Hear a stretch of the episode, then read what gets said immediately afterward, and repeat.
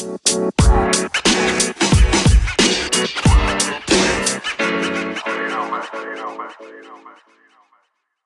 masih dengerin podcast Kepo Kepo Kepo episode 29. Ini di, di seberang sana ini ini mungkin pertama kali ya. Ini uh, narasumber yang lokasinya ini jauh banget. Saking jauhnya benar-benar luar pulau, luar pulau, luar negara dan benar-benar negara. Dia sekarang tuh lokasinya di ujung, benar-benar ujung, ujung banget lah. Ada Wanda, halo Wanda. Hai, hai, halo. Halo. Di Norwegia ya? Ya, Norwegia. Di kota apa? Di Tro- kota Trondheim. Trondheim ya. Yang aku sempat googling tuh kota pelabuhan ya. Ah, Bener nggak sih? Enggak juga sih. Gitu ya. Soalnya aku kayak pas googling di Wikipedia tuh kayak dia apa dibilangnya kayak kota pelabuhan gitu sih. Atau ya, ternyata beda. dikelilingin, dikelilingin sama lautan juga. Hmm. Itu. Tapi bukan kota pelabuhan juga. Hmm. Nah, enggak sebelum aku masuk ke ke yang maksudnya yang aku mau kepoin tuh eh di sana gimana sih untuk masalah pandemik di Norwegia? Ah, pandemik di sini udah dibilang udah stable ya, udah nggak ada kasus baru setauku sih. Heeh. udah aman aja yang di Trondheim. Tapi kan gara-gara dibuka lagi akses Eropa Iya. ke boleh itu jadi akhirnya kemarin tapi aku nggak tahu pasti ya. Ya, Hmm. Kemarin tuh katanya ada kasus baru itu dari cruise. Cruise-nya tuh apa dari Jerman atau dari mana gitu yang lagi liburan tuh positif. Tapi aku nggak tahu itu apakah di Trondheim atau di eh, bagian yang lain. Oh, Cuman berarti so far sih udah oke. Di sini orang-orang nggak ada yang pakai masker atau apa, udah Hmm. nggak, maksudnya udah normal karena udah nggak ada. Berarti di sana Ya kita benar-benar berharapnya udah nggak ada. berarti di sana benar menjalankan new normal beda sama di sini ya. Iya new normal, tapi kalau di Indonesia sih new normalnya new normal ya, bukan Hmm. dalam karena masih ada kan banyak lah masih banyak kasusnya yang setiap hari nambah-nambah terus. Sedangkan di Norway ini hampir udah menurun gitu loh, hampir mungkin zero case. Tapi aku nggak tahu pasti apakah Iya, udah iya. zero case beneran zero case atau hampir zero case gitu. Tapi di sana untuk penerapan protokol kesehatan ini udah nggak seketat waktu awal-awal kali ya. Ya udah nggak seketat sih, tapi kita tetap sih kita kita di sini kan kayak apa ya eh, aware sendiri ya, aware Hmm. sendiri setiap orangnya. Jadi kita tanggung jawab sama pribadi sendiri, sama eh, sekitarnya. Jadi kita tetap patuhi protokol kesehatan tanpa disuruh. Jadi Ah, kalau misalnya kita eh, mau masuk ke mana, pas selalu disediain sama desinfektan hmm, atau eh, antibac apa hand sanitizer gitu. hmm. Nah, pertanyaan pertama aku adalah kok bisa nyampe sana tuh gimana ceritanya?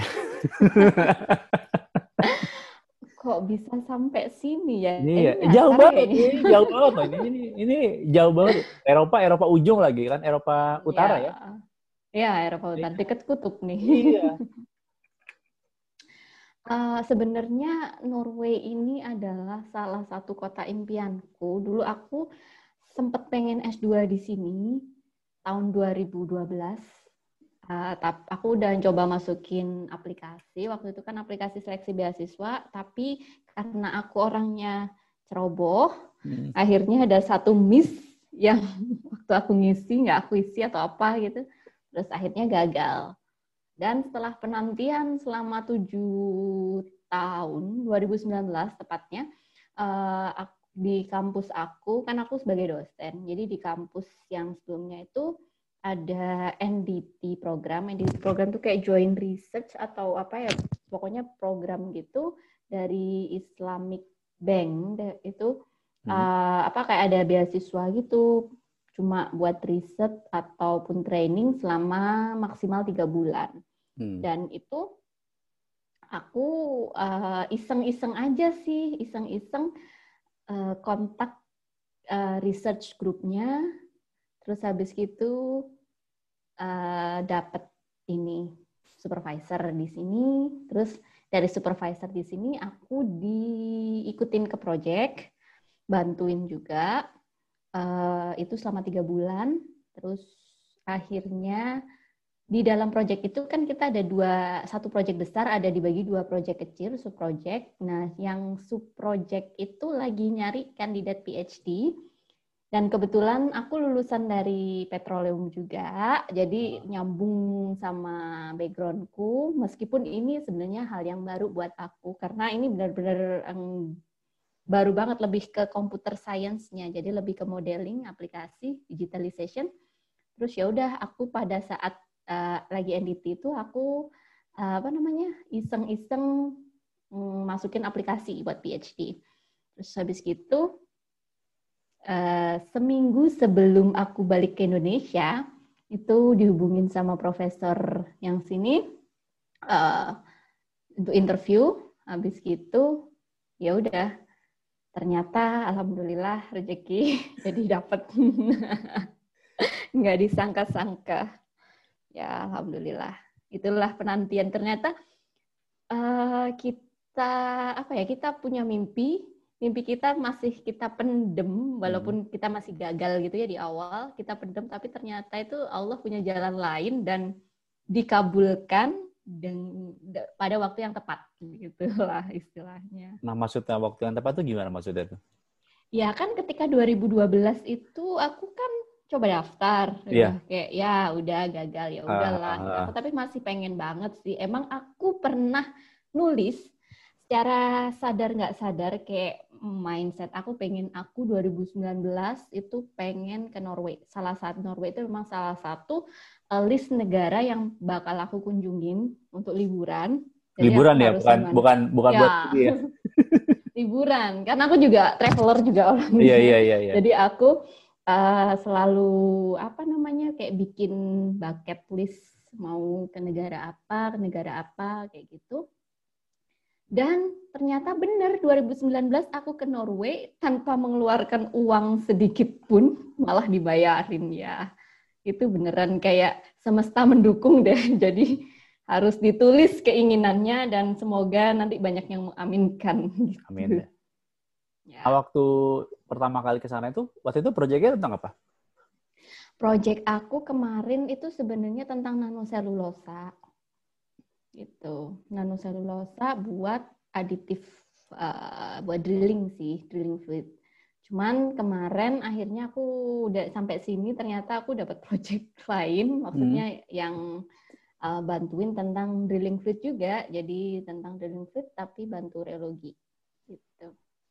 Itu berarti buat eksplorasi itu ya? Atau buat ya kita buat ngedrill jadi sebelum kita uh, apa namanya produksi minyak kan kita harus bikin lubangnya oh iya iya seperti itulah gampangnya nah itu kan kita harus pakai cairan buat galinya itu Nah, lebih istilahnya lebih gampangnya seperti itu deh kalau kita kayak ngebor sumur atau apa gitu kan kita pakai kalau sumur kan pakai air kayak yeah. gitu. Kalau misalnya ini pakai suatu fluida gitu.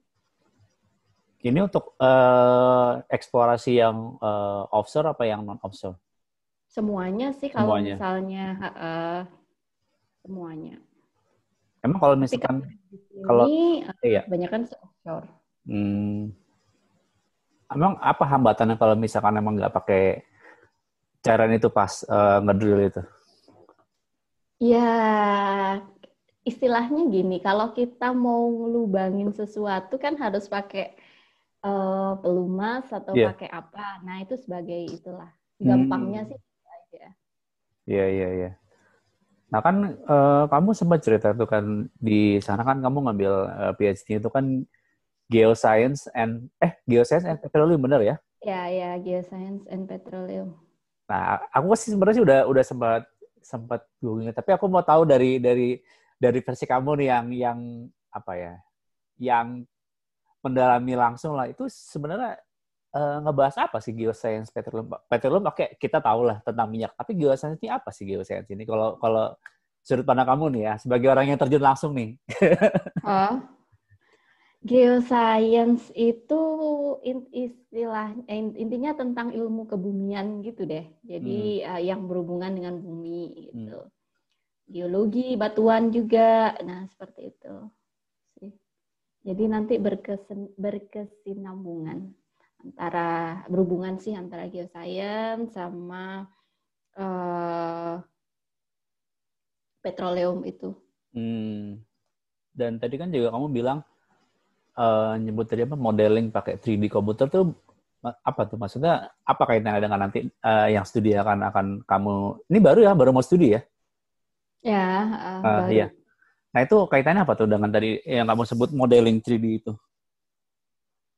Hmm, jadi kalau aku sih nanti lebih ke um, bikin modelingnya itu pada saat whole cleaning. Jadi whole cleaning itu aku ngebersihin sisa-sisa cutting. Cutting hmm. itu adalah remahan batuan ketika kita ngedrill. Hmm. Kan kita ada uh, apa namanya remahan batuannya itu kita angkat kembali ke permukaan. Nah, jadi uh, di situ tuh aku memodelkan uh, efektivitas dari whole cleaning itu gitu loh. Seberapa sih uh, besar uh, efektivitasnya whole cleaning itu. Nanti dilihatnya nanti parameternya macam-macam. Jadi aku bisa nanti parameternya pakai drilling fluidnya, ada pakai uh, drill string motion, ada pakai uh, apa lagi ya, uh, rate of penetration, jadi macam-macam sih gitu.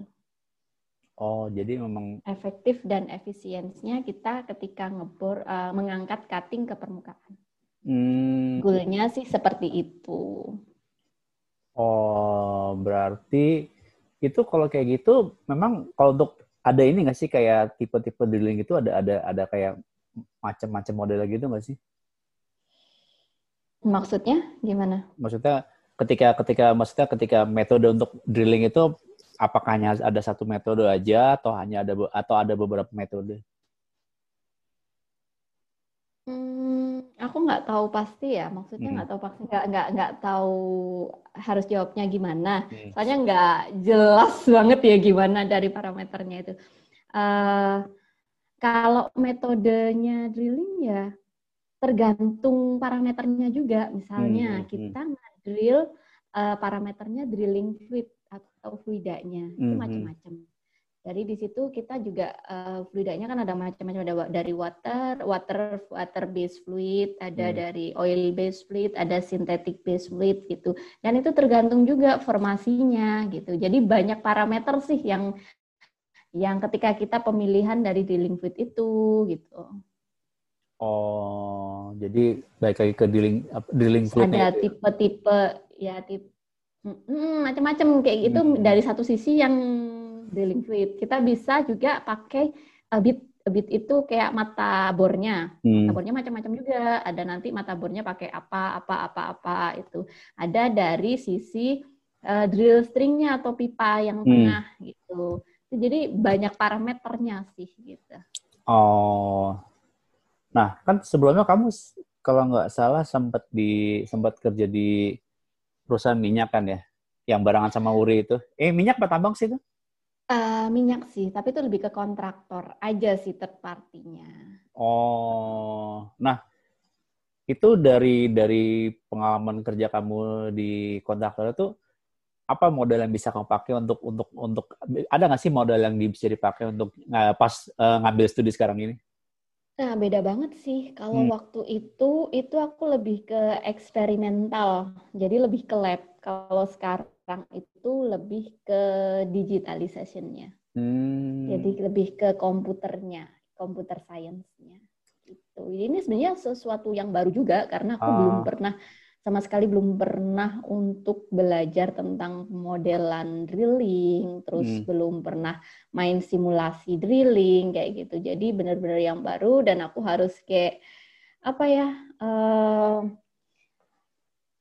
uh, memaksa diriku untuk apa ya trigger myself gitu. Hmm. hmm Jadi hmm. kayak benar-benar ya yang baru yang aku harus kuasai berat sih, tapi ya as long as apa um, aku yakin dan uh, kalau aku di sini sih mikirnya gini karena aku udah di sini jadi aku pasti bisa gitu oh. aku udah ya gitu ya udah jatuh jauh jauh-jauh gitu, ke sana ya. kan ternyata nggak mau nggak maksimal ya, aja gitu kan Iya, nggak juga gini. Ketika kita di, kalau misalnya kita yakin ya di agama kita, ketika kita ditempatkan di suatu posisi atau hmm. dikasih cobaan, kita pasti bisa melewatinya gitu. Hmm. Meskipun nanti kita nempuhnya jalannya berliku-liku atau hmm. lurus atau apa ya pasti nanti. Tapi kita memang bisa kan makanya kita dikasih cobaan itu karena kita bisa gitu jadi aku ya karena aku udah di sini udah dikasih posisi ini ya aku mau nggak mau ya aku bisa gitu tapi iya, tergantung yeah, yeah. nanti jalannya seperti apa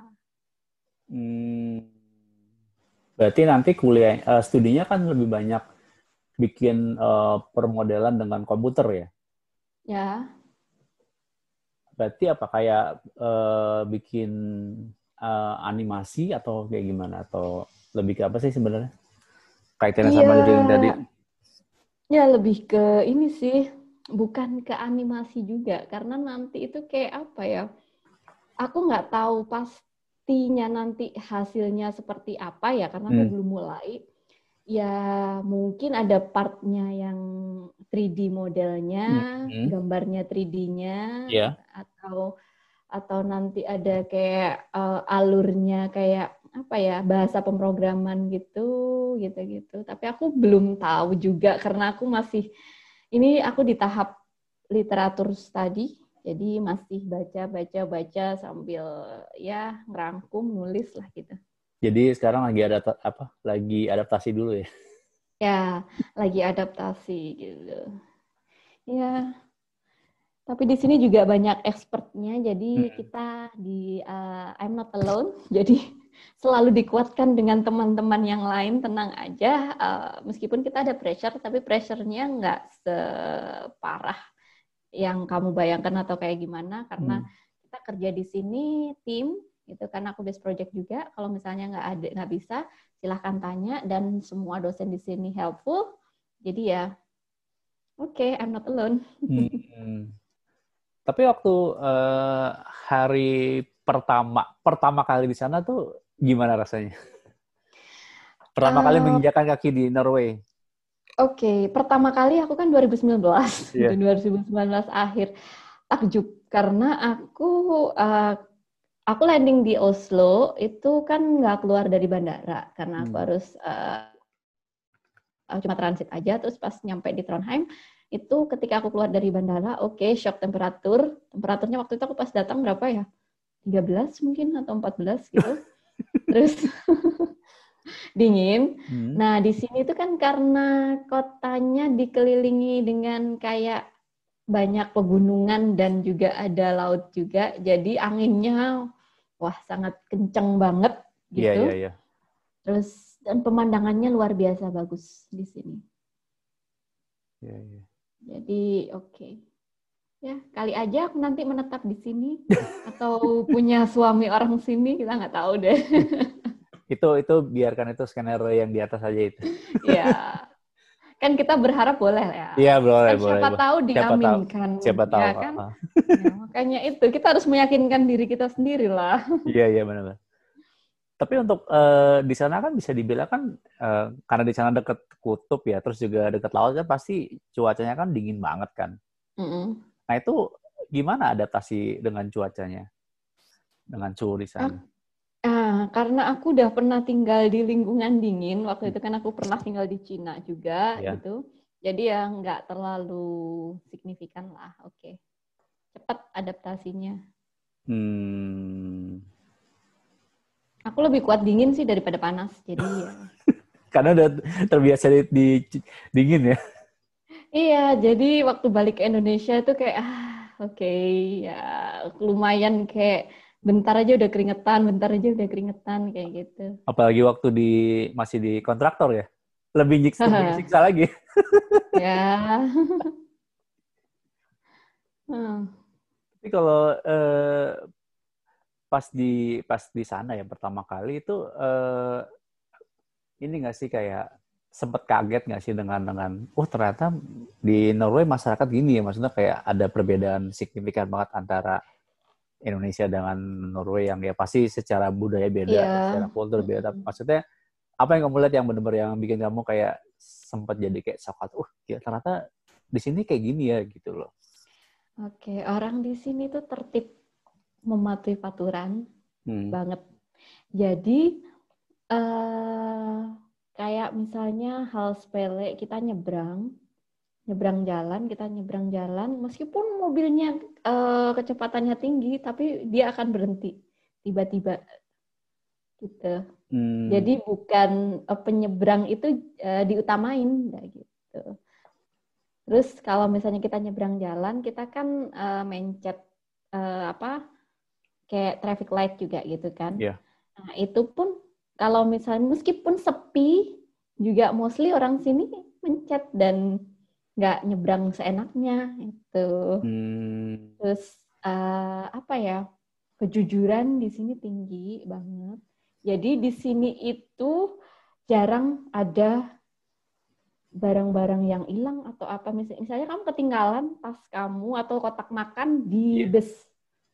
Kamu nanya ke eh, lupa gitu besoknya terus nanya ke apa supir bus yang sama kamu jamnya itu dikasih gitu. Ah, Even ada yang handphone ketinggalan gitu ya dibalikin gitu bisa biasanya di, diambil di polisi kantor polisi terdekat atau apa gitu Oh berarti di sana kayak tingkat kriminalitas tuh rendah banget di sana ya?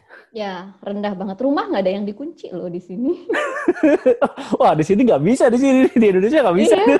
ya ya di sini rumah itu orang-orang jarang ada yang kunci yang rumah ya bukan apartemen ya gitu. Ah. soalnya kalau apartemen kan otomatis kita pakai kunci otomatis Iya, ya kalau iya, iya. rumah yang rumah sendiri gitu jarang dikunci orang sini aku juga wow iya serius serius oke ya Tapi memang orang ini sini kayak, Mhm, kenapa eh, tipikal masyarakatnya sama nggak sih kayak di Finland? Finland itu kan yang aku tahu kan dia untuk masalah pendidikan kan bagus banget. Nah di Norway kayak gitu Mm-mm. juga nggak sih? Sama nggak sih kayak di Finland? Aku nggak tahu pastinya ya Hmm. Finland karena aku belum pernah ke Finland. Eh, tapi sini sistem pendidikannya juga bagus dan kamu itu pendidikan di sini tuh gratis mulai TK Hmm. sampai S3 setahu saya. Wow. Jadi gratis. Jadi nggak ada kayak biaya uang gedung gitu itu nggak ada. Uang seragam, uang buku nggak ada tuh ya? Nggak ada. Kecuali international school ya. Kalau misalnya sekolah lokal kita kan eh, negeri, kita Iya. dikasih eh, support dari pemerintah. Kalau Oh. misalnya yang private school atau international school kita bayar. Jadi bayarnya juga nggak banyak sih. Dan enaknya di sini itu eh, apa ya pendidikan gratis, oke. Hmm. Terus apa ya anak itu dikasih eh, subsidi juga dari Iya. pemerintah gitu sampai umur 18 tahun. Terus apa lagi ya? Enak banyak enaknya lah di sini makanya aku kerasan banget. Padahal baru baru setahun ya? Belum ada, baru sebulan aku di sini. Ini yang Dulu kan 2019. tiga bulan. Iya. Heeh. Terus balik ke Bulan- Indonesia. Oh, bulan aku apa sih? sebenarnya itu? Maret. Pertama aku kali? pertama kali Oktober. Oh, Oktober. Oh iya, iya, iya, Oktober, iya. belum belum sama benar-benar. November, Desember, habis gitu balik ke Indonesia. Aku harusnya berangkat Maret, tapi karena pandemi itu aku cancel. Jadi itu pesawat aku malam, itu paginya aku cancel. Paginya kan? Jadi aku iya, jadi pagi itu aku langsung telepon ke maskapai, Hmm. aku minta cancel gitu karena di Oslo kebenera- kebetulan tuh langsung ditutup bandaranya. Jadi kayak Oh. daripada aku dipulangin gitu Iya. mending aku nggak berangkat gitu ya ya udah Tapi itu posisinya masih di Indonesia ya? masih di Indonesia jadi malam jam 7 malam berangkat aku jam 6 pagi itu aku cancel kalau nggak salah Hmm. Sampai Terus akhirnya baru berangkat eh. kemarin tanggal 9 Juli 9 Juli. ya sebulan ha. udah sebulan di sini Oh. Tapi pas akhirnya Juli itu ke sana lagi tuh di sana gimana sih untuk eh, penerapan eh, protokol kesehatan di bandara? Apakah bang ketat banget atau agak Enggak. longgar?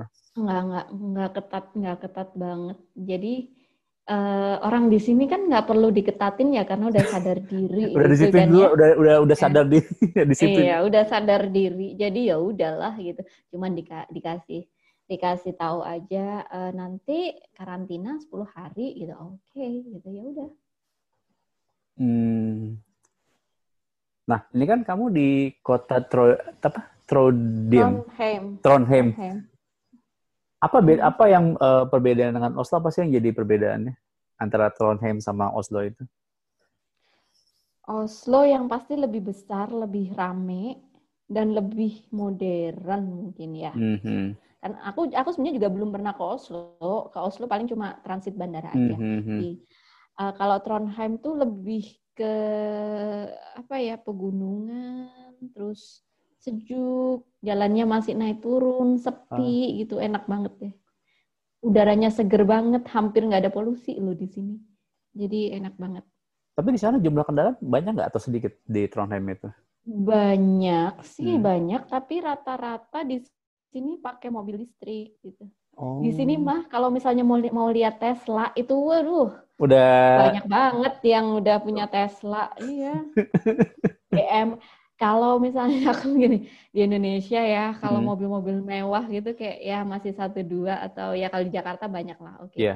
Di sini mah banyak banget mau Tesla, Mercy, BMW, apa pun Volvo, Porsche, terus Jaguar, aduh banyak banget deh di sini. karena kan emang eh, pajaknya lebih murah dibandingin mobilnya ke Indonesia kan. Karena kan masih masih in Eropa kan. Iya, mungkin nggak tahu juga gitu. Dan juga orang sini kan pendapatannya tinggi, jadi ya. Tapi pajaknya juga tinggi. Oh. Sama. Living cost di sana tinggi nggak? Eh, lumayan sih, lumayan tinggi. Tapi ya tergantung sih. Kalau misalnya diomongin living cost itu kan tergantung dengan gaya hidup kita. Iya, ya. benar benar benar. Kita bisa bikin itu tinggi, kita bisa bikin itu rendah ya tergantung lah.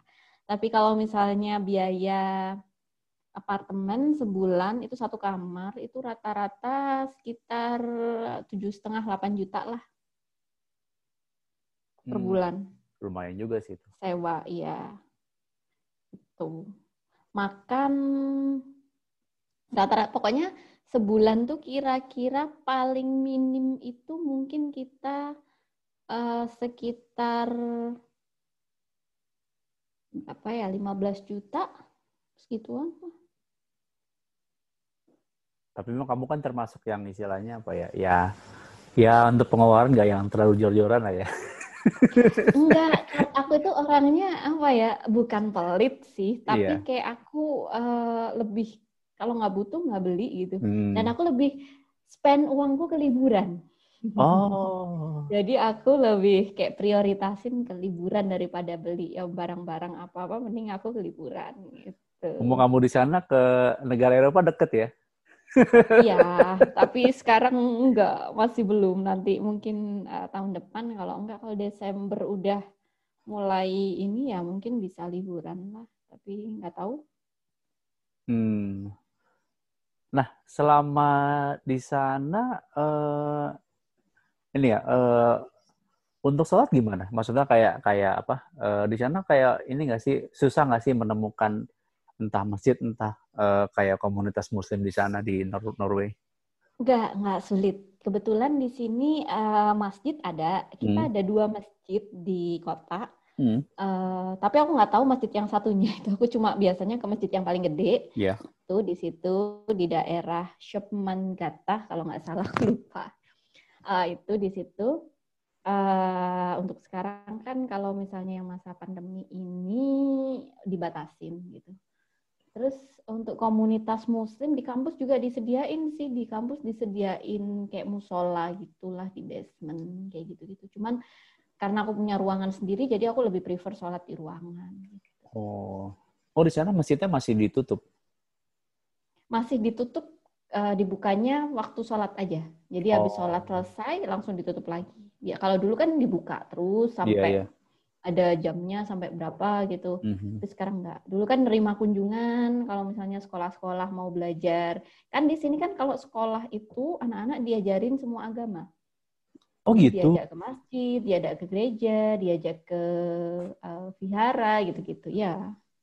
Itu by uh, internal school atau uh, kayak Ya, di- semuanya. Oh, Semuanya emang dari diajarin. SD apa dari TK? Hmm? Dari SD apa dari TK mereka mulai dikenalin ke semua agama? Kayaknya SD deh. Oh. Dan di sini juga ada kayak eh, perayaan Natal. Jadi Natal di sini tuh bukan simbolisasinya eh, agama Kristen ya gitu. Iya. Tapi Natal di sini kita itu ngerayainnya ya cuma eh, ngerayain aja kayak culture gitu. Jadi nggak ada embel-embel agama gitu. Jadi istilahnya kan julebur. Ya kita kalau misalnya dinner julebur ya udah dinner aja gitu. Kayak culture-nya sini ada ceritanya tapi aku lupa itu tentang apa ya gitu jadi uh, bukan memperingati tentang Nabi Isa tapi memperingati tentang apa gitu sejarahnya sini gitu Oh, berarti ada kaitannya sama kayak eh, lokal wisdom di situ gitu ya? iya iya iya Hmm, jadi perayaannya nggak yang terlalu apa heboh wah, tapi karena emang maksudnya kayak hanya makan di apa makan di Iya, kita rumah. gitu. makan-makan ya party uh, kayak family time banget gitu. Oh, Bahkan di kampus kita juga ada kemarin tahun kemarin aku juga ikut sempat ikut Julebur juga di kampus gitu. Jadi kita kayak pesta di kampus di departemen kita masing-masing gitu. Kita ada pesta, ya cuma dinner aja, dinner bareng semua eh, PhD, profesor gitu, dosen sama mahasiswa PhD lah gitu, bareng-bareng gitu. Jadi nggak ada bener-bener simbol, maksudnya simbol agama, maksudnya Nggak simbol ada, salib nggak atau ada. Oh, nggak ada. Nggak, ada, nggak ada. Oh, Kalau lebih umumnya sih itu. Tapi kalau misalnya yang umat-umat Kristiani yang dia menganut agama Kristiani ya mereka merayakan Natal sebagai layaknya Natal lah gitu. Hmm. Tapi kalau kita kami nggak, jadi cuma ya makan-makan aja. Oh. Nah, yang aku pengen tahu tuh eh, untuk kayak kebias apa ya kayak eh, work habitnya orang Norway itu kayak gimana sih yang kamu amatin? Work habitnya orang Norway di sini tuh punctual, punctual banget. Jadi eh, jamnya mereka benar-benar kayak on time banget, in time lah malahan. Jadi eh, jam 8 sampai jam 4 gitu, ya tepat waktu. Mereka jarang lembur gitu, jarang. gitu. Jadi udah waktunya pulang-pulang gitu, karena mereka itu lebih mengutamakan family. Jadi apalagi yang udah punya keluarga gitu tuh ya waktunya pulang ya pulang untuk anak-anak gitu, untuk istri, anak atau untuk suami pokoknya ya waktu keluarga gitu. Dan kalau di sini kalau misalnya summer gitu kan, di sini kan jarang matahari ya. Iya. gitu. Eh, jadi kebetulan hari ini cerah banget uh, dan juga uh, akhir minggu ya, Hmm. akhir pekan. Iya. Jadi rame banget tadi di luar. Habis lunch itu uh, aku keluar tuh juga wah rame banget di luar pada berjemur gitu, pada uh, hangout di luar gitu. Dan aku nanya ke uh, office mate gitu ya, emang di sini kebiasaannya gitu gitu. Karena kita jarang ada matahari, jadi kalau kamu pekerjaanmu bisa ditinggal ya ditinggal lah untuk menikmati matahari, cuma sekedar berjemur, minum kopi gitu-gitu. Oh. Dan berarti Karena langka banget. langka ya? sini Iya, iya. Kalau balik lagi ke work habit berarti kalau misalkan emang jamnya misalkan jam makan siang dari jam 12 sampai jam 1 berarti ya udah bener-bener mereka on time banget berarti ya. Ya, jam 12 sampai jam 1. Iya. Nggak ada tuh yang Ah, habis pasti. makan siang, ah kita nge- ngerokok dulu deh gitu. Ada. ada sih mereka juga ada yang ngerokok juga, tapi ya mereka nggak lama setelah rokok Iya. langsung balik kerja lagi. Nggak gitu. maksudnya Nggak beda yang- gitu dengan, dengan di sini. Ya, ya, ya. ya. Iya, iya, iya, iya. Seru sih, ya beneran, ya oke lah. So far oke. Sempat ngerasain puasa di sana nggak? Hmm, nggak apa. Kemarin puasa ini sih, puasa sunnah aja sebelum Idul Adha itu. Oh, puasa Iya. Arafah. Ya, puasa Arafah. Eh, di sini kan waktu sholatnya ada tiga kalau nggak salah. Yang satu itu lokal, ikut lokal time. Hmm. Yang satunya ikut Mekah time. Ya, Iya. Yang satunya tuh aku lupa. Apa, penyesuaian atau apa gitu, aku lupa gitu. Jadi yang aku mulai awal ikutnya Mekah Time gitu. Yeah. Jadi sampai nanti juga Mekah Time terus gitu. Aku mau ikut lokal nggak sanggup deh karena puasanya panjang banget. Jadi mulai jam 3 sampai jam 11 malam. Jam 3 ini, jam 3 pagi. pagi sampai jam Ya, bukanya jam 11 malam. sampai jam 11 malam. ya. Jadi enggak. Tapi kalau misalnya winter, aku tahun kemarin sempet eh, ini ya, apa namanya? puasa juga kayak nyaur puasa lah, bayar puasa pas Iya. winter gitu cepet. Jadi kita subuhnya itu jam 7 atau setengah 8 pagi, Hmm. jam setengah 3 sore itu udah maghrib. Loh. Jadi enak. Winter malah lebih cepat ya? Iya, winter lebih pendek kan karena kita matahari aja munculnya eh, bukan matahari sih, eh, terang aja kita munculnya jam 10 baru terang. Oh, Jam berarti 10 jam, pagi. jam 8 tuh masih gelap. Masih gelap sekali. Itulah nggak enaknya. Makanya di sini tuh ada istilah winter depression. Jadi orang-orang tuh kebanyakan pada depresi pas winter. Karena ki- kita punya winter yang sangat panjang. Hmm. Jadi tahun tahun ke mana ya? Winter kemarin itu kita mulai dari Oktober kalau nggak salah sampai Mei kita masih ada salju. Hmm. Tuh. Dan nanti itu Oktober itu itu kita di wilayah Eropa itu ada penyesuaian jam. Jadi jamnya itu eh mundur satu jam ke belakang. Jadi kalau sekarang kan eh, apa namanya bedanya waktu Indonesia sama di Norway itu kan lima jam. Iya. Norway lebih mundur lima jam. Nanti itu Oktober, kalau nggak salah Oktober, 27 Oktober waktu ta- eh, tahun kemarin 27 Oktober itu jadi beda Indonesia sama Norway 6 jam. Dan itu berlaku di, maksudnya nggak cuma di Norway, apa nggak cuma di Norway Ya, doang, ya, tapi di semua negara Eropa ya? Mm, mm, mm. Oh. Enggak semua, tapi aku nggak tahu negara apa aja. Belanda juga termasuk gitu-gitu. Hmm. Itu apa ada ada ada efeknya nggak sih nanti buat kamu ketika perbedaan waktu itu jadi antara antara Norway sama Indonesia jadi beda bedaan apa mundur 6 jam gitu kira-kira. Bedanya waktu telepon lah, telepon family. Ketika telepon orang rumah gitu ya, itu makanya aku biasanya kalau misalnya telepon sama ibu itu eh, paling enak sih emang weekend karena kita aku bisa weekend tuh bisa enak waktunya ya. Kalau Iya, iya. misalnya pas weekdays gitu either aku pulang kantor nanti jam Hmm. 9 malam aku baru telepon, ya kan di Indonesia udah jam 3 pagi kayak Ya. gitu. Misalnya ibuku udah bangun jadi ya kita telepon Iya. kalau enggak ya pagi ketika aku bangun tidur tuh jam 7 pagi, nah di Indonesia kan jam 12 Iya iya kayak pas. gitu ya. Oh. Ya. Kayak gitu sih. Itulah susahnya. Tapi seru sih. Ya masih masih 6 jam lah, masih masih nggak terlalu jauh lah ya. Ya. Tapi enak sebenarnya kalau misalnya langsung kayak eh, bedanya Indonesia sama Amerika gitu kan 11 jam kayak. Iya, gitu. iya, Jadi iya, kalau iya. pagi sana malam kayak gitu gitu. Nah ini kan kamu kan juga eh, sam- sam- mau mau mulai kuliah kan juga sambil kerja ya. Mm-mm. Nah ini eh, apa yang kamu kerjain nih? Maksudnya apakah masih ber- nanti berkaitan dengan studinya atau atau beda lagi? Ya, enggak ya sama aja gitu loh. Apa Hmm. yang aku kerjain sekarang tuh adalah bagian dari project aku gitu. Bagian Gim- dari tesis aku, eh, disertasiku nanti gitu. Gimana tuh maksudnya tuh?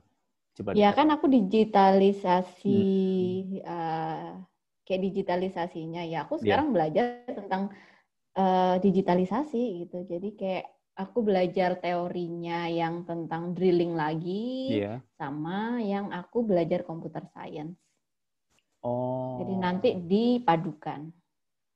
Berarti akan belajar kayak bahasa pemrograman gitu. Oh, ya, ya. itu Welcome. iya, iya, iya. Jauh banget dari kimia Iya. tuh ya.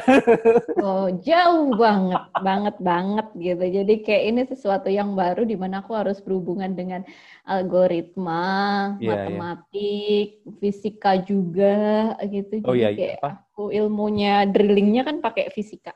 Oh, Banyak bener-bener kan bener-bener iya iya. Jadi iya. kayak oke, ya udah. Oke, tapi juga ada kimia sih, ada kimianya dikit-dikit nanti yang tentang drilling fluid dan lain-lain. Tapi porsi kimianya lebih dikit ya. Ya, dikit banget, dikit banget. 10% kali ya. Aduh, ya udahlah sesuatu yang baru. Dijalanin aja. Aku nggak mau terlalu bikin pressure ke diriku. Nanti aku bisa stres, Iya. bisa gila nanti. Jangan, kamu tuh dari tempat yang bisa dibilang tuh tempat yang happy lah, tempat yang tenang gitu. Ya. Jangan stres. Ya, ya, pasti. Supervisorku juga selalu ngingetin, udah santai, you are not alone. Oke. Nah, Ya. waktu di sana Idul Adha gimana tuh? Maksudnya eh, apa namanya? Kan kalau kalau di sini kan ya Lebaran atau atau, malam takbiran kan di masjid ramai surat takbir. Pasti kan di sana Hmm. beda suasana itu di di Norway ya. gimana? Idul Adha kemarin. Nggak ada, nggak, kita nggak ada takbirannya. Nggak ada ya? Jadi kita nggak ada takbiran, nggak ada takbiran sama sekali. Terus di sini tuh kemarin sholat idnya kita dibagi tiga termin. Oh. Jadi ada jam 8, jam 9, jam 10. Di mana jam 8 itu khutbahnya pakai bahasa Norse, pakai bahasa Norway. Terus eh, jam 9 khutbahnya pakai bahasa Arab, jam 10 khutbahnya pakai bahasa Inggris. Dan kebetulan untuk wanita dan anak-anak itu dibolehkan hanya yang jam 9. Jadi kemarin aku eh, alhamdulillah bisa ikut sholat di masjid gitu. Hmm. Tapi kita daftar dulu. Jadi sebelum sholat itu kita eh, beberapa hari sebelumnya kan udah dibuka linknya gitu. Iya. Jadi kita harus ngisi ngisi istilahnya registrasi dulu kita mau ikut sholat karena dibatasi kan gitu. Jadi ya udah seperti Oh, itu. ada khutbah yang bahasa Norweginya ya? Ada jam 8 pagi. Oh. Berarti memang di sana emang ada orang lokal yang yang menganut Islam ada ya? Ada, ada, ada ada orang yang mualaf gitu. Oh. Kayak gitu. Tapi nggak banyak ya ininya apa eh, jumlahnya ya? Enggak banyak, tapi orang sini rata-rata juga pada bisa bahasa Norse sih gitu. Jadi kayak orang udah yang lama di sini kan udah ngerti bahasa Norse. Mungkin ya mereka lebih nyaman pakai bahasa Norse daripada pakai bahasa Inggris atau bahasa Arab malah nggak tahu gitu. Hmm. Yang bahasa Arab sedikit sih kemarin kayaknya aku nggak terlalu banyak gitu. Oh. Biasanya kan nggak tahu sih kalau kalau di di negara lain kan kalau hari-hari besar gitu kan eh dari KBRI-nya kan suka ada kayak ada acara tuh. Nah, di sana Hmm, gimana? Open house gitu. Karena KBRI-nya di Oslo kan, di Oslo juga ada open house sih, tapi nggak rame. Waktu itu aku sempat lihat liputannya, Hmm. itu ada uh, sholat id sama makan-makan di Oslo gitu. Tapi karena kita di Trondheim ya, jadi uh, pas kalau dari komunitas Indonesianya, kita kan ada namanya KMIT, Ya. Komunitas Muslim Indonesia Trondheim. Ah. Jadi uh, sehari setelahnya, jadi hari raya kemarin hari Jumat kan, hari Jumat kita Sabtunya ada acara barbekyuan gitu. Hmm. Jadi kita ke Lervosen, jadi kita uh, apa namanya kayak barbecue di tempat uh, yang enak banget, ada sungai gede, itu ada dam lah di sana itu, Ah. Terus ada uh, apa namanya eh ya tempat buat piknik gitu. Kebetulan cuacanya bagus banget, jadi kita bikin barbekyuan gitu sama silat silaturahmi eh, komunitas Muslim Indonesia Trondheim Oh. seperti itu. Ada Ya. sempat ngit sempat ini nggak sih kayak ngitung atau kira-kira ber- berapa sih orang Indonesia yang ada di Trondheim itu? Banyak sih. Banyak Kita ya? kan kalau Muslimnya mm-mm, eh, lumayan ya. Kalau banyak, aku nggak tahu ya banyak Iya. itu kisaran berapa juga nggak tahu. Kalau 50 mungkin ada ya gitu. Tapi emang Tapi sering kan- sering sering bikin acara juga apa kayak ngumpul atau Iya, kita kita kita ada acara gitu sering juga karena pandemi ini jadi dibatasin sih. Mhm. Biasanya juga kita kalau misalnya setauku ya itu kalau ada perayaan hari besar kayak muslim kayak gini ya ada yang open house kayak Hmm. gitu. Terus nanti eh, pas Natal juga ada yang open house atau apa ya ada open house. Nah, ini kan habis ini kan 17-an. Nah, 17-an ini hmm, biasanya sih ada open house juga gitu. ya. Tapi ini aku baru dapat invitation dari PPIT-nya. Hmm. Kayaknya kita mau ada acara juga untuk eh, 17-an itu di mana? Ini PN 17 Agustus di Korsvika. Aku juga nggak tahu Korsvika itu di mana gitu. Itu di masih di Trondheim Jadi apa di Oslo? Di Trondheim, di Trondheim. Trondheim. Oh, kayaknya di pantai deh. Kayaknya di pantai. Itu hari Sabtu 22 Agustus. Hmm. Gitu. Memang acara Masa- maksudnya kalau tapi ber- berarti di sana kalau mau istilahnya apa ya? Kalau mau mau mengadakan acara emang yang mengundang orang banyak di sana udah boleh ya? Udah diperbolehkan bersama-sama pemerintah. kalau di ruangan mungkin masih dibatasin ya. Hmm. Tapi kalau misalnya di outdoor kita udah lebih bebas. Kalau di outdoor. Oh. Nggak perlu ini ya, apa namanya? Nggak perlu kayak harus submit apa kayak izin keramaian gitu. Kayaknya tetap kita Tetep tetap ya? ada prosedural karena Oh. diawasin juga gitu. Kita nggak bisa kayak yang banyak banget. Iya, gitu, iya, Jadi iya, kan iya. terbatas. Makanya kita setiap apa itu menyelenggarakan acara harus ada registrasi, Hmm. registrasi. Biar ke data ya, maksudnya berapa orang yang kira-kira akan datang di acara tersebut gitu ya. Ya, biar ke data. Ini kayaknya PPIT lagi ini apa eh, ngadain acara 17 Agustus. Aku nggak tahu kayak apa ya nanti. Seperti apa karena aku belum pernah. Belum pernah, jadi belum ada bayangan gimana ya. Iya. Kalau misalnya untuk acara KM itu biasanya kita kan potluck gitu. Jadi kita bawa Ah. makanan bareng-bareng, kita makan bareng-bareng gitu Hmm, hmm, hmm, sambil hmm. tuker-tuker gitu. Tapi kalau ini aku nggak ngerti nanti eh, skemanya seperti apa. Nah, ini yang mungkin pertanyaan yang bisa dibilang penting. Di sana untuk adaptasi soal makan gimana? Nah, halal ya.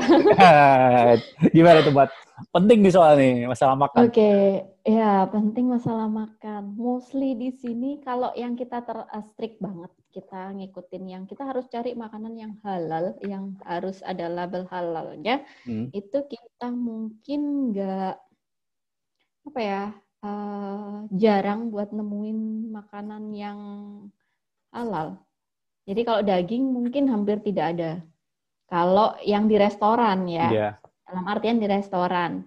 Tapi biasanya kalau misalnya di restoran kita bisa kayak makan vegetar atau makan ikan gitu Hmm. kalau di restoran. Tapi kan tergantung persepsinya orang masing-masing ya. Kalau Iya, iya, iya. misalnya di- orang masing-masing masih ada kan tapi nanti pennya tercampur sama bekasnya ini, Iya, bekasnya iya, iya, ini iya. ya gitu. Jadi tergantung persepsinya masing-masing. Ada yang terlalu strict banget, ada yang biasa gitu. Kalau kamu gimana? Ah, kalau aku orangnya sih nggak terlalu strict banget sih. Jadi aku aku mas aku makan di luar gitu. Hmm. Sometimes aku makan di luar gitu.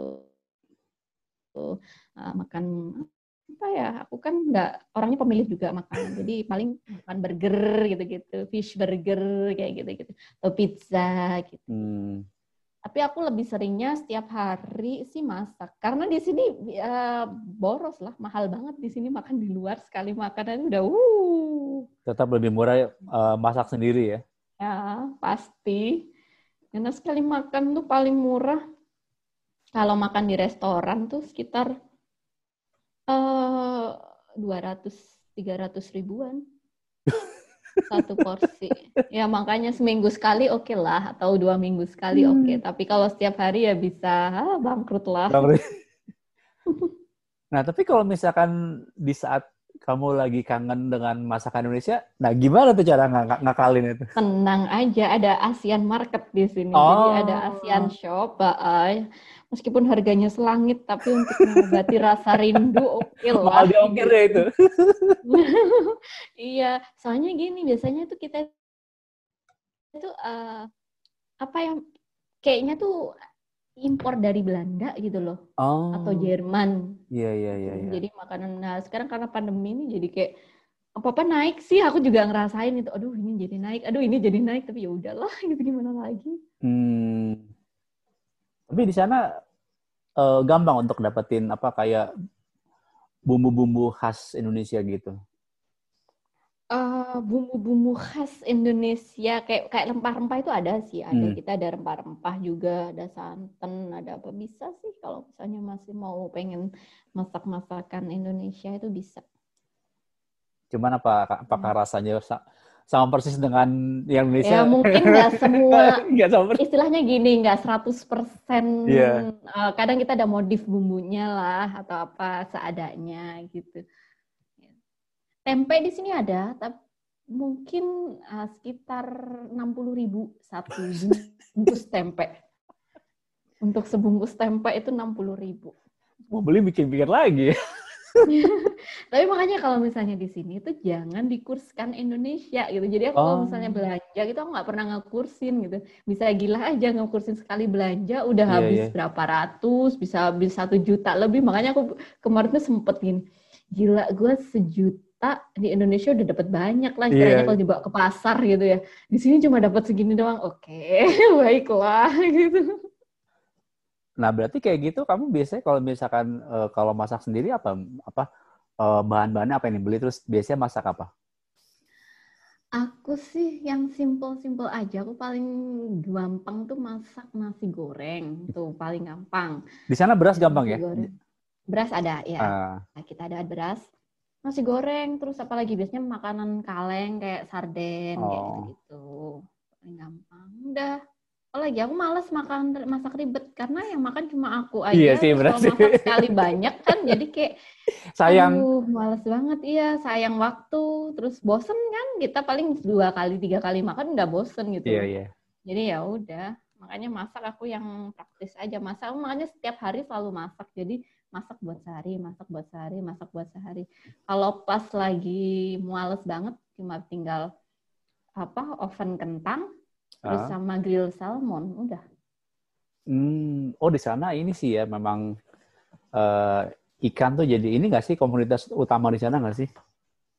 Uh, bisa bisa dibilang itu tapi tetap mahal aja tetap mahal tapi salmon murah sih salmon murah.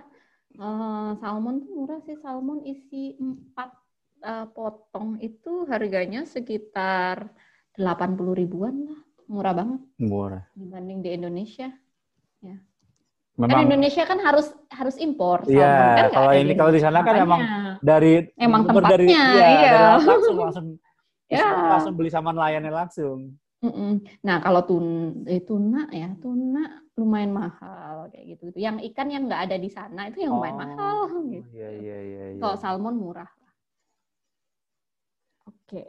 Nah di sana uh, untuk bahas kan kayaknya aku sempat lihat instastories kamu tuh uh, sambil belajar bahasa Norway juga ya. Mm-mm. Nah itu susah nggak sih belajar bahasa Norway? uh, ya, aku nggak tahu ya karena aku belum masuk kelas. Aku hmm. rencana mau ambil kelas Norse itu pas spring karena sekarang udah ditutup. Jadi oke, okay, aku ngambilnya spring. Dan aku sekarang belajar sendiri. Belajar sendiri itu yang tingkat kesulitanku adalah pronunciation-nya. Hmm. Pronunciation-nya tuh benar-benar kayak sulit sih menurutku. Jadi kayak ah ya oke, okay. aku bisa belajar grammar dan belajar yeah. kosakata sendiri. Tapi ketika pronunciation aku nggak bisa. Aku harus uh, belajar sama orang yang ngerti gitu. Karena hmm. kadang salah gitu. Aku kebetulan ada temen orang Norway ya, orang Norway asli, orang sini itu jadi ya ya udah aku kadang-kadang tanya ke dia gitu. Oh, Nah, berarti sebelumnya kalau sebelum akhirnya memutuskan untuk belajar bahasa Norway, untuk uh, bahasa bahasa Inggris dong? Maksudnya apa atau sebelumnya sempat ada kendala bahasa juga? Nggak, di sini emang mostly semuanya bisa bahasa Inggris. Mulai yeah. dari anak kecil sampai orang tua pun mereka bisa bahasa Inggris. Oh. Jadi Uh, sebenarnya nggak ada tuntutan bahasa sih hmm, gitu. Hmm. Kalau aku aku belajar bahasa Norway karena mungkin suatu saat aku habis selesai dari sini aku mau kerja di sini hmm. atau mungkin aku nanti dapat suami orang sini yeah, gitu yeah, kan. Yeah. Jadi aku harus mempersiapkan juga. Emang aku dasarnya orang yang seneng belajar bahasa gitu loh. Menurut aku uh, penting lah buat aku uh, belajar bahasa ketika kita tinggal dalam waktu yang cukup lama di negara orang gitu loh. Iya sih benar-benar. Ya sayang banget kalau aku nggak belajar bahasa gitu. Jadi ya aku mau lah belajar bahasa. Kan paling nggak kan aku bisa biasa bisa diajak ngobrol sama orang atau kalau yeah, yeah. lagi ke restoran kayak atau lagi belanja kayak gitu-gitu. Meskipun mereka bisa bahasa Inggris tapi ya aku lebih pengen kayak ngargain mereka dengan ah, yeah. bahasa Norway. Gitu. Bagian dari adaptasi apa menyesuaikan ya. dengan, dengan orang sana gitu ya. Ya, ya, ya. Karena hmm. kalau kerja lebih cepet sih uh, kalau kita punya kualifikasi bahasa, bahasa Norway. Jadi untuk, lebih untuk di sana ya. Preferensinya ya, preferensinya keterima itu lebih besar, chance-nya keterima lebih besar ketimbang kita cuma pakai bahasa Inggris.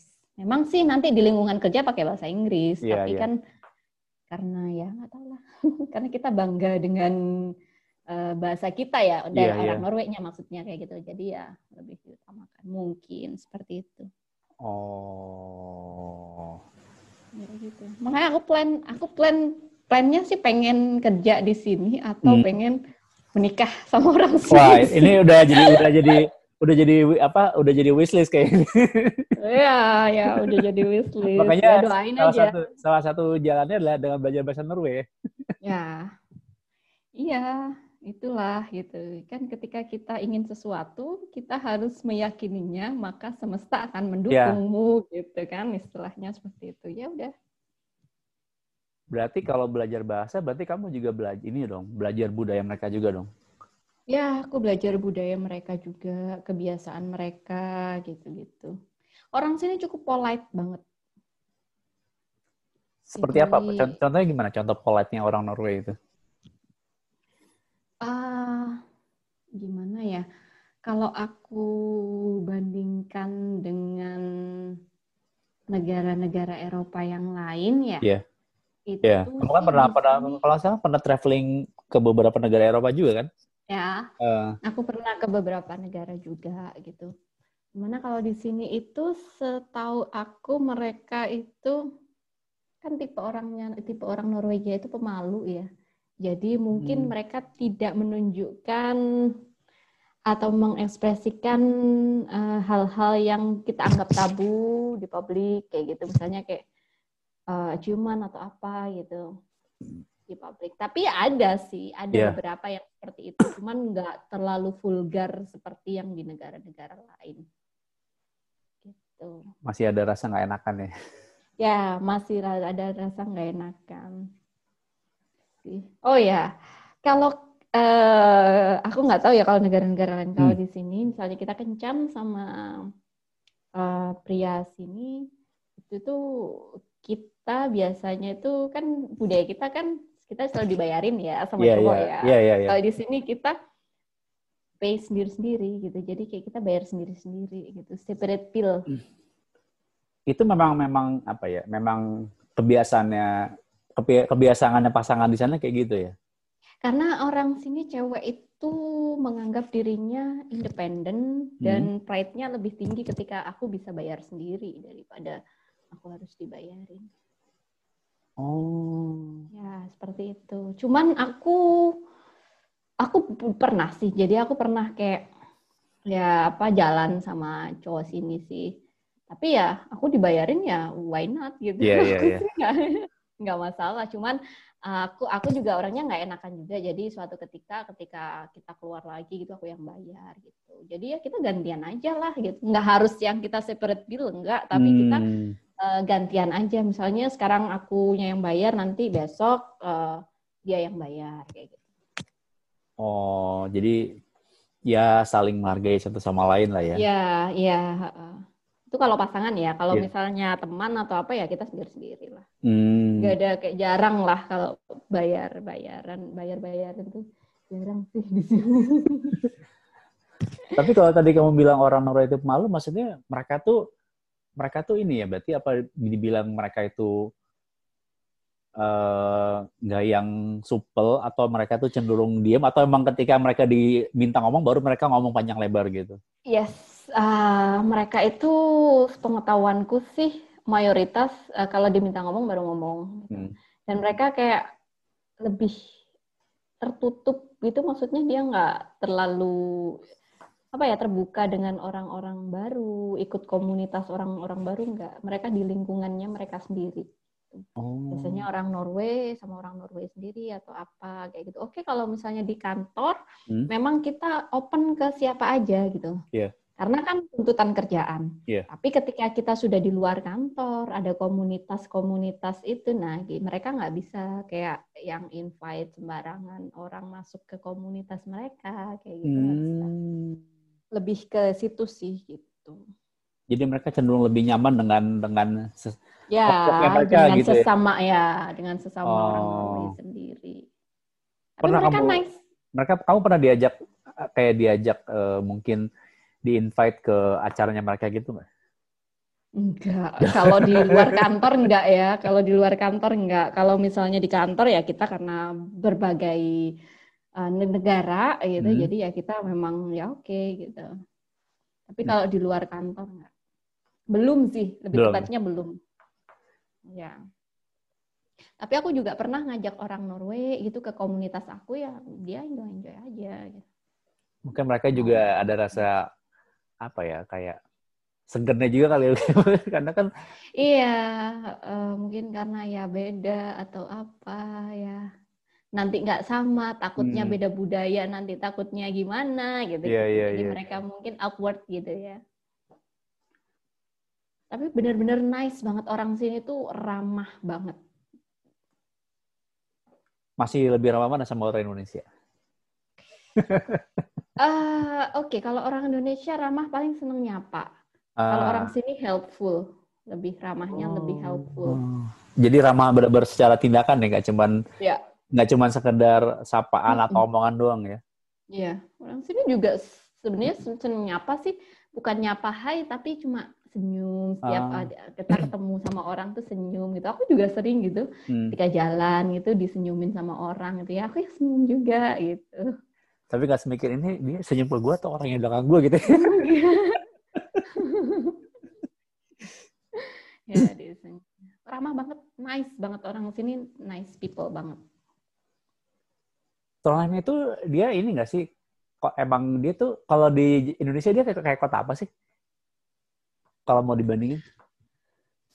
Kota apa ya? Aku tuh hmm, aku tuh apa ya? Nggak tahu Indonesia banget kan aku. Bukan bukan Surabaya ya pasti bukan Surabaya ya. Ya pasti bukan Surabaya. Ya pasti bukan Surabaya. Apa ya? Lebih ke mungkin puncak oh. tapi nggak secrowded puncak gitu yeah, iya. kalau yeah.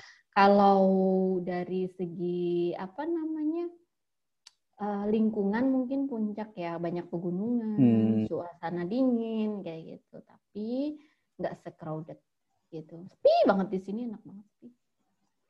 Tapi kalau di sana apa tempat mas apa ya kayak tempat menarik yang mungkin kayak orang-orang sering ke sana gitu kayak buat kayak ketika weekend atau ketika uh, lagi summer time. Hmm. Oke, okay. ikonnya sini itu adalah Trondheim Torp itu di mana uh, alun-alunnya lah istilahnya oh, okay. alun-alunnya Norway, alun-alunnya Trondheim hmm. gitu. Ya kita ngumpul di situ biasanya di Trondheim Talk. Terus ada ikon-ikon di sini ada Nidarosdomen. Nidarosdomen itu katedral hmm. uh, yang gede emang ikonnya sini. Itu terus ada Vesningen. Vesningen itu fortress atau benteng. Terus ada beberapa museum-museum juga. Terus ada T-Hall Tower. T-Hall yeah. Tower tuh tower gitu aja yang bisa kita bisa melihat Trondheim dari atas terus ada restorannya di dalamnya jadi kita bisa uh, menikmati makan atau kencan lah di dalam sana hmm, sambil suasana kota Trondheim gitu-gitu. Terus sama banyak kan di sini orang-orang pada hiking gitu-gitu. Banyak sih kalau kalau nature-nya memang bagus banget sih. Oh. Memang memang lebih kuat di nature-nya ya. Ya. Dan orang sini rata-rata kan suka jalan gitu. Jadi Uh, jangan kaget juga kalau misalnya dan nenek-nenek, kakek-kakek itu masih hiking kayak gitu udah hmm. masih banyak di sini. Karena juga di sana adem, eh, adem sih ya cuacanya. Iya, adem, adem. Makanya aku aku awal-awal sampai sini aku sempat flu gitu ya, flu uh, karena penyesuaian cuaca. Yeah. Yeah. Tapi habis itu juga oke okay lah aku bisa bisa adaptasi dengan cuacanya. Sekarang pun bahkan aku masih bilang kayak ah, 14 15 oh anget lah gitu, enak gitu. Nggak terlalu dingin. Di sana uh, pen, suhu berapa yang benar-benar yang menurut kamu wah ini suhunya ekstrim banget nih? Uh, kemarin uh, tahun kemarin aku bisa berapa ya? Minus 11 ya, minus uh, ada minus di bawah 10 kayaknya aku lupa. Tapi itu nggak se ekstrim aku pas di Beijing. Aku di Beijing pernah minus 23. Wah. Tuh gitu. Nggak bisa kebayang deh. Hmm, ya. Baju itu aku kalau di Beijing waktu itu lapis 5, lapis 6. Serius. Kalau di sini aku cuma lapis tiga gitu-gitu. Hmm. Maksimal lapis empat sih. Oh nggak se dinginnya nggak se ekstrim di itu ya di Be di Beijing ya? Enggak nggak se ekstrim di Beijing. Cuman ya dingin tetap yeah. dingin. Tapi kalau di Beijing tuh dinginnya kayak sampai sampai nusuk tulang gitu. Tapi kalau di sini enggak enggak enggak banget. Enggak ya dingin tapi enggak terlalu ini banget. Hmm. Kan di sini hmm. banyak kayak di rumah-rumah ada pemanasnya gitu-gitu. Ada apa kayak uh, apa ya api unggunnya gitu iya iya iya. Pembakarannya gitu gitu kalau di sana uh, orang-orangnya tuh kalau mereka ya aktivitas lah kantor mereka tuh di sana lebih sering naik kendaraan umum atau atau mereka bawa kendaraan pribadi sih kalau yang kamu amatin sampai saat ini tergantung musimnya. Hmm. Kalau musimnya musim panas kayak gini, orang-orang sukanya jalan atau naik sepeda.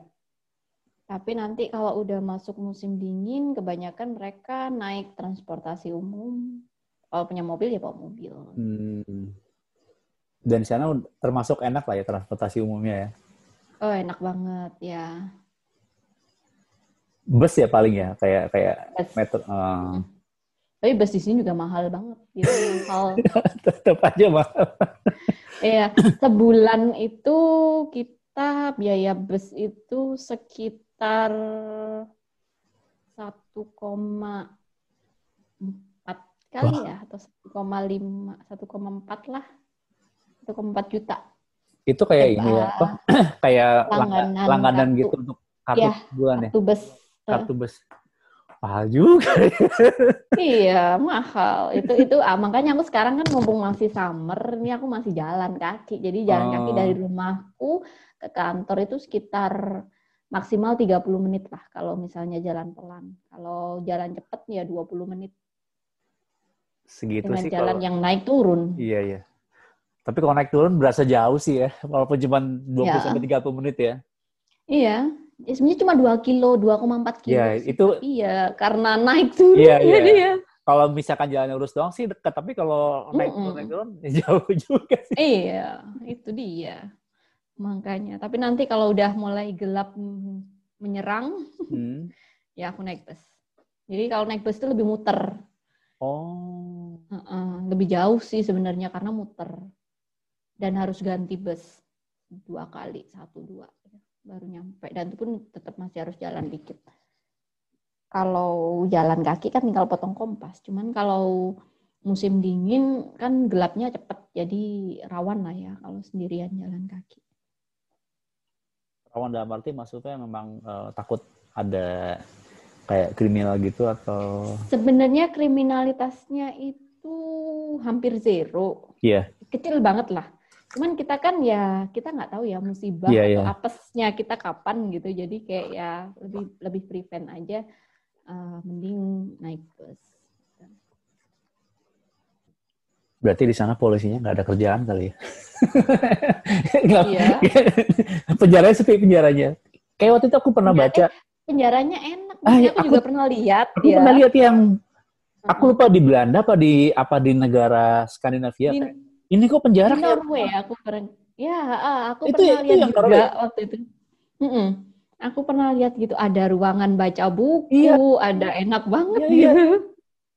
Jadi Karena penjaranya kayak... sepi di sini hmm. nggak ada nggak ada yang masuk penjara makanya kok aku lupa tuh ber, ber, ber, Belanda atau atau atau negara Skandinavia Norway. Aku Norway ya aku pernah lihat juga waktu itu kayak pas lihat kok ini penjara kok kayak kayak kayak rumah. Kayak kos-kosan. iya, iya. Ya, bahkan lebih nyaman daripada kos-kosan ya itu. Makanya di sini orangnya benar-benar tertib banget, patuh peraturan. Dan ke kecuali rata-rata yang melanggar sini adalah orang-orang pendatang. Orang pendatang orang mana dulu nih orang pendatang ya? Asia atau? Iya, oh, nggak tahu ya. ya pokoknya rata-rata emang yang Hmm. suka ngelanggar itu uh, foreigner. Oh. Kalau orang lokalnya sendiri dia patuh-patuh. apa sih yang kalau yang kamu tahu si pendatang ini apa sih pelanggaran yang yang mungkin yang paling banyak itu adalah kan di bis. Kalau bis gitu kita kan eh, naik aja bus gitu. Kalau Iya. misalnya nggak ada yang ngontrol ya kita nggak bayar nggak apa-apa. Gitu. Tapi kalau misalnya pas kena denda kita nggak punya tiket, eh Hmm. pas ada yang kontrol kita nggak punya tiket tuh kita kena denda sekitar 1,5 juta wow gitu. Iya dendanya itu dan ya banyak lah yang cheating-cheating kayak gitu. Nanti siap-siap ketika ada yang ngontrol langsung beli tiket gitu. oh jadi karena karena nggak ada yang on- karena nggak ada yang kontrol akhirnya udahlah bisa lah gitu kan Iya. Oh, oh. Mm, Aku pun pernah seperti itu. tapi nggak ketawa nggak ada pasti nggak ada yang Enggak, kontrol alhamdulillah enggak, alhamdulillah. Sometimes juga aku kayak was-was gitu. Ah, ya udahlah mending beli sih gitu. Ya ya udahlah beberapa kali gitu. Kadang-kadang udah ya udahlah nggak ada yang nggak ada yang kontrol gitu. nggak usah beli gitu. Tapi kalau misalnya hati lagi nggak tenang, ah, beli aja. Gitu. Kan kalau aku pergi sama orang Norway, Oh, oh. ya dia selalu beli. Jadi kayak Oh. nggak cheating-cheating kayak gitu. Iya, iya, iya. Oh, oke. berarti di sana kalau untuk kayak untuk eh, bayar bisnya gimana tuh sistemnya kan kalau yang aku tahu kan kalau kayak di mereka kan kayak sebelum kita, Kita turun ada tuh ada oh pakai eh Mm-mm. hmm. Pakai app. Bayarnya Jadi pasti ya kayak di situ ininya apa? Eh, top up-nya bayar di situ gitu atau Mm-mm, kita ada pakai tiga macam pembayaran. Yang pertama Hmm. pakai akunnya ATB. ATB itu adalah eh, ininya busnya Norway, namanya ATB. Aku lupa kepanjangannya ATB itu apa.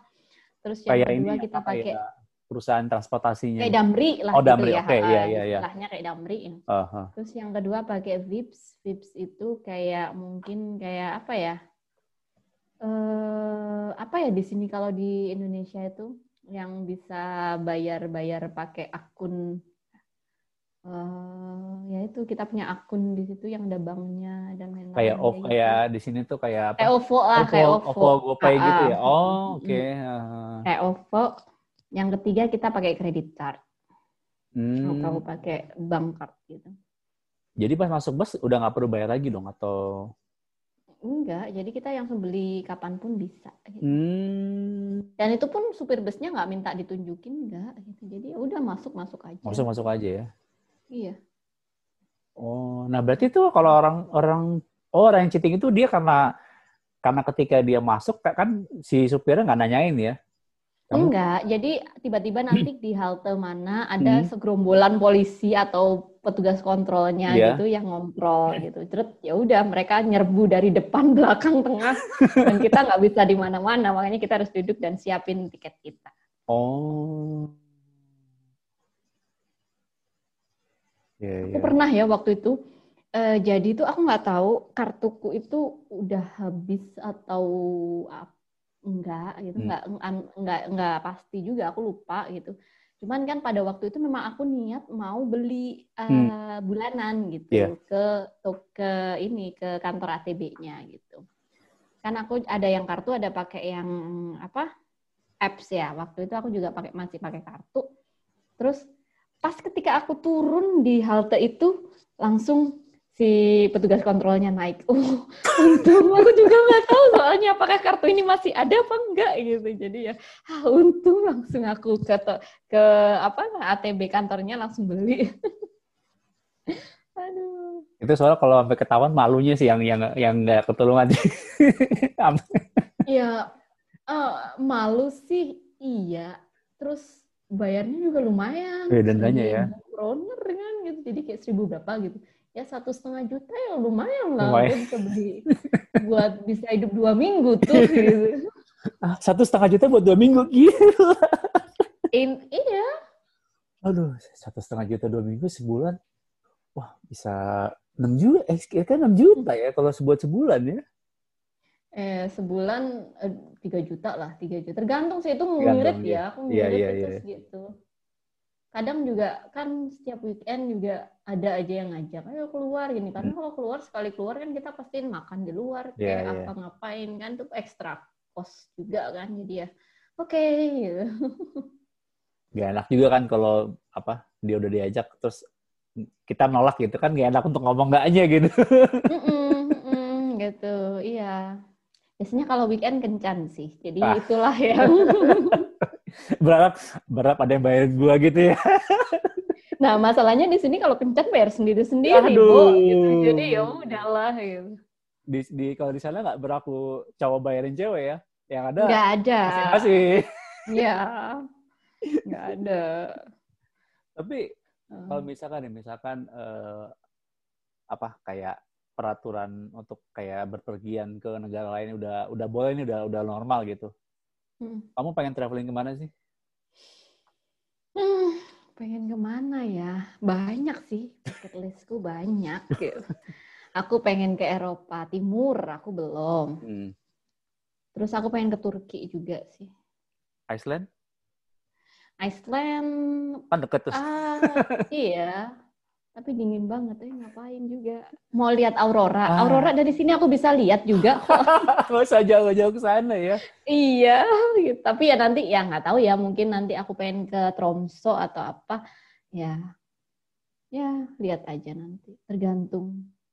Oh, udah berarti Inggrisnya paling banyak Eropa ya karena ya ke mana-mana maksudnya dari situ deket lah ya Iya, terus aku kan nggak perlu pakai visa lagi kan, gitu ya Hmm, udah hmm. tinggal jalan aja, gitu. Paling juga remedi ke tempat-tempat dulu yang aku pernah ke sana, gitu Ah. sekalian kunjungin temen-temen. oh iya iya iya kan kamu pernah pernah traveling ke beberapa negara Eropa kan Ya, iya iya Gitu iya iya sih. oke deh Wanda thank you ya udah mau ngobrol sama aku Oke, ya. You know, man. You know, man. You know, man.